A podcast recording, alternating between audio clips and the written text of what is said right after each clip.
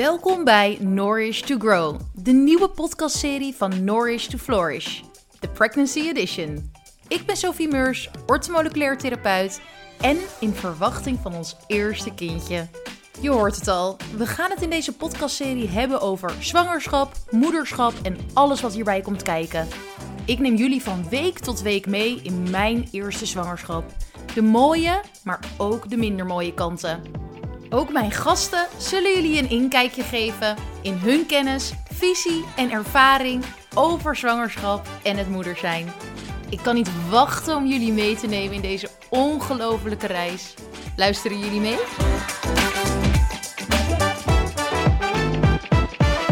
Nou jongens, we zitten er lekker in. Week 34. Nou, zo komen we nog eens ergens. Ik ga niet beloven dat ik vandaag alles ga opnemen tot week 38. Dat ga ik ook absoluut niet doen. Maar week 34. Nou, zoals ik jullie vorige week vertelde, was er enorm veel gedoe rondom de verhuizing, verbouwing, et cetera, et cetera. Nou, daar heb ik jullie helemaal in meegenomen. En ook vertelde ik jullie over de keuze dat ik een doula bij mijn bevalling ga hebben. Namelijk Nadie Hazes van Barma Mama. Ik heb het in het volgende, vorige aflevering heb ik haar even gelinkt. Dus daar kunnen jullie haar terugvinden.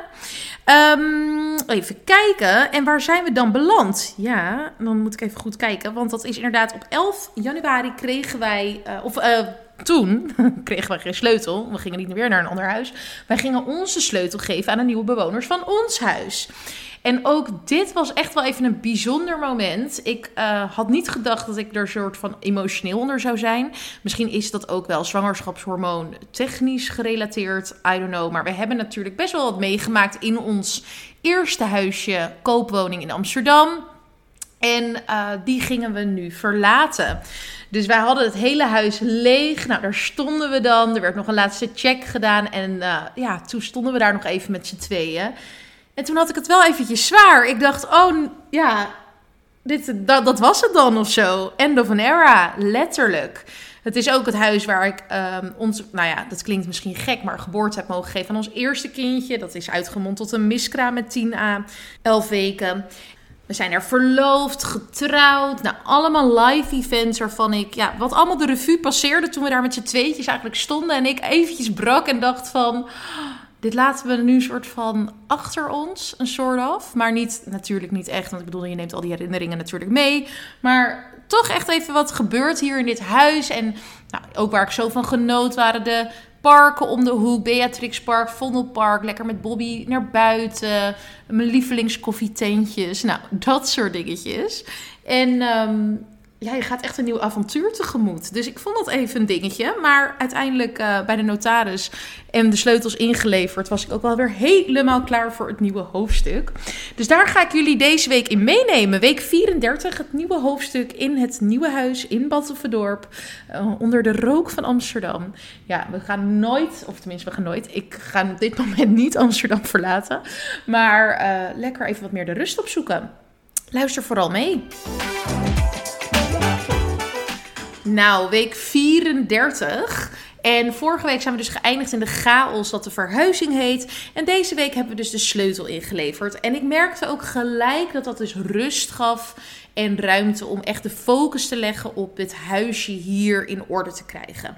Dit was tevens de week dat een nieuwe schilder en een nieuwe stukken door waren gevonden en nog niet bezig waren. Dus het was wel een beetje een soort van tussen wal en schip.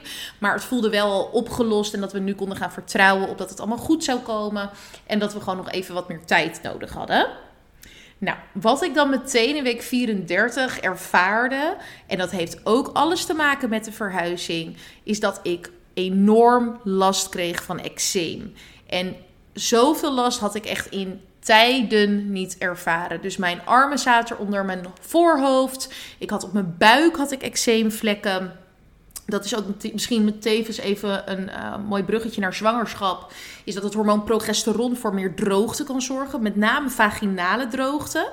Dus ook tijdens gemeenschap kan je daar dus last van ondervinden. Dat het dus allemaal wat minder, ja, wat meer gevoelig is en wat droger aanvoelt.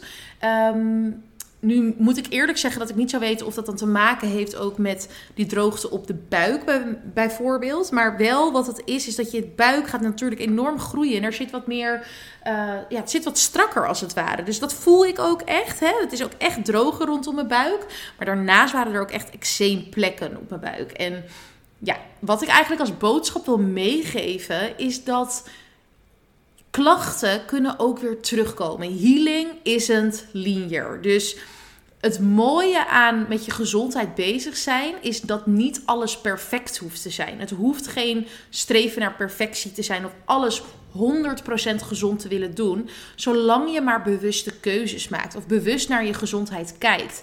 En als ik dan deze eczeemplekken zie en ervaar, en ik heb er wat foto's van gemaakt, mogelijk dat ik het nog op socials ga delen als ik er zin in heb, maar Ehm, de boodschap die ik wil meegeven is dus dat het dus niet erg is als bepaalde klachten ontstaan. Het lichaam geeft je alleen een seintje. Die vertelt jou wat er aan de hand is.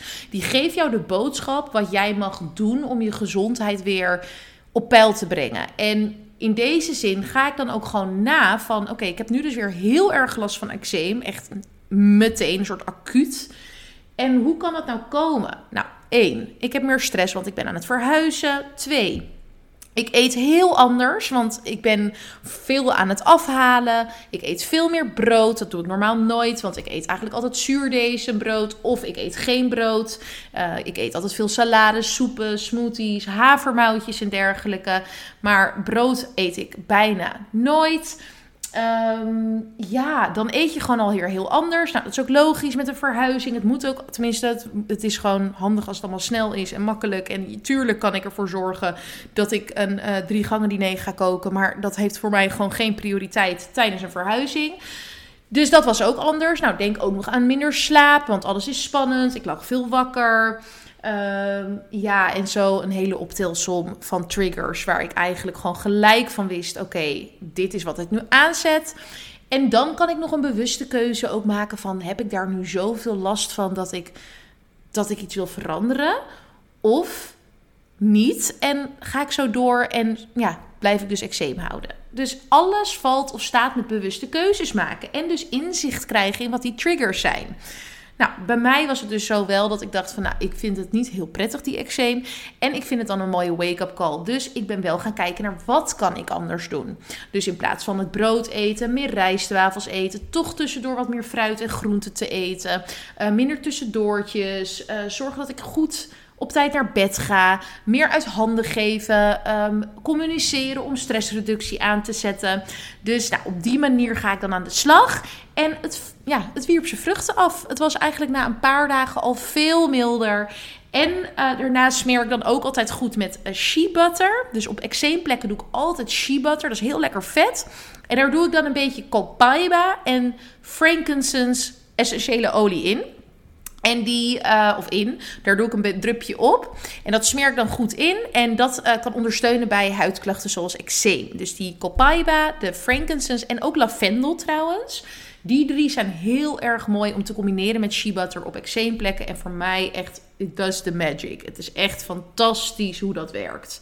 Dus dat smeer ik dan echt specifiek op eczeemplekken. En verder, als we het hebben over de buik en een buikolie, gebruik ik echt met heel veel liefde de Lois Lee Body Oil. En ik gebruik sowieso al mijn gezichtsverzorging van Lois Lee. Echt, ik vind het zo fantastisch. Ik kan het niet vaak genoeg zeggen. Het is meukvrije, non-toxische huidverzorging van essentiële oliën, van plantaardige oliën. En het, ja, het werkt gewoon mega voedend en is gewoon heel erg fijn. Nou, ik heb een kortingscode Nourish10. En wat ik sowieso kan aanraden als je geïnteresseerd bent in het proberen van dit soort producten, is je kan bij hun ook een starterkitje, een testkitje aanvragen. En dat zijn dan kleine sampleflesjes die je dan opgestuurd krijgt. Nou, op zich zijn ze niet zo klein. Je kan er echt wel, echt wel lang mee doen. Ehm, maar dan kan je echt even uitproberen hoe je het vindt, of het voor jou werkt. En ook daar werkt die Nourish 10 kortingscode op. Dus dat kan je zeker even proberen. En die body oil die gebruik ik dus om lekker om mijn buik in te vetten, om mijn benen in te vetten, om mijn lichaam in te vetten. En het trekt ook lekker snel in. Dus ik heb ook als ik die body oil op mijn buik smeer, doe daar dan een shirtje aan, dat het niet allemaal plakt en vettig is en dat het gewoon lekker voedt. Dus nou, mega blij mee. Dus dat was het begin van week 34. Een eczeemaanval. Nou, ik heb de foto's hier erbij. Nou, die is eigenlijk echt bizar. Dat is, ik zit echt helemaal onder. En uh, verder, uh, ja, zie ik veel foto's in het huis. De schilder checken, de stukken doorchecken. Ook nog tussendoor consulten voeren. Want hè, het is nu 11 januari tot 18 januari. En 26 januari, oh sorry, 25 januari ga ik met verlof. Dus ik moest ook nog best wel wat werk afronden. Nu heb ik ook wat buikfoto's nog eh, ertussen staan. En ik schrok een beetje van hoe die buik groeide. Want ik had er eigenlijk twee weken lang geen aandacht aan besteed. En ik keek zo en ik dacht: oh jeetje, die gaat echt hard. En die groeit enorm. En ik baal nu achteraf dat ik niet zoveel buikfoto's in deze periode genomen heb. Omdat ik juist denk dat we onbewust of onverwacht. dat die buik dus toch nog best wel veel groeit. En dat het toch wel leuk is om dat verschil op te merken. Nou, uiteindelijk um, was het boven afgeschilderd. Konden we langzamerhand een beetje richting boven vertrekken. Wat ik mee bedoel is dat we dus inderdaad de slaapkamer gereed konden maken.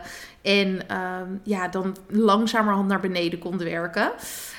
Um, even kijken. Ja, verder was er, ging het sneeuwen ook. Heerlijk. Ik hou van sneeuw. Maar goed, ik heb er niet heel veel mee gedaan of aan gehad. Want ik had het gewoon te druk met de verhuizing, de consulten. En neem het. Um, even denken.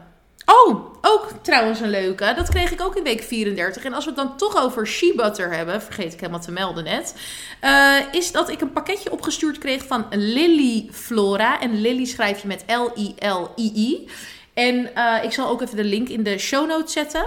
En ik vind het echt een fantastische website. En dat zeg ik niet omdat ik het pakketje heb ontvangen. Maar ik ben dus gaan kijken en ik voelde me helemaal uh, ja, content met hun producten. Want zij ver bieden gewoon heel veel soorten shea butter aan. Dus met edelsteden, met frambozenpitolie, met uh, nou, gewoon pure shea butter in verschillende formaten.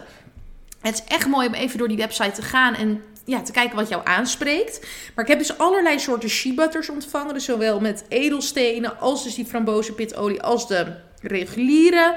Ik heb een prachtig zoutlampje gekregen voor in de babykamer. Slofjes.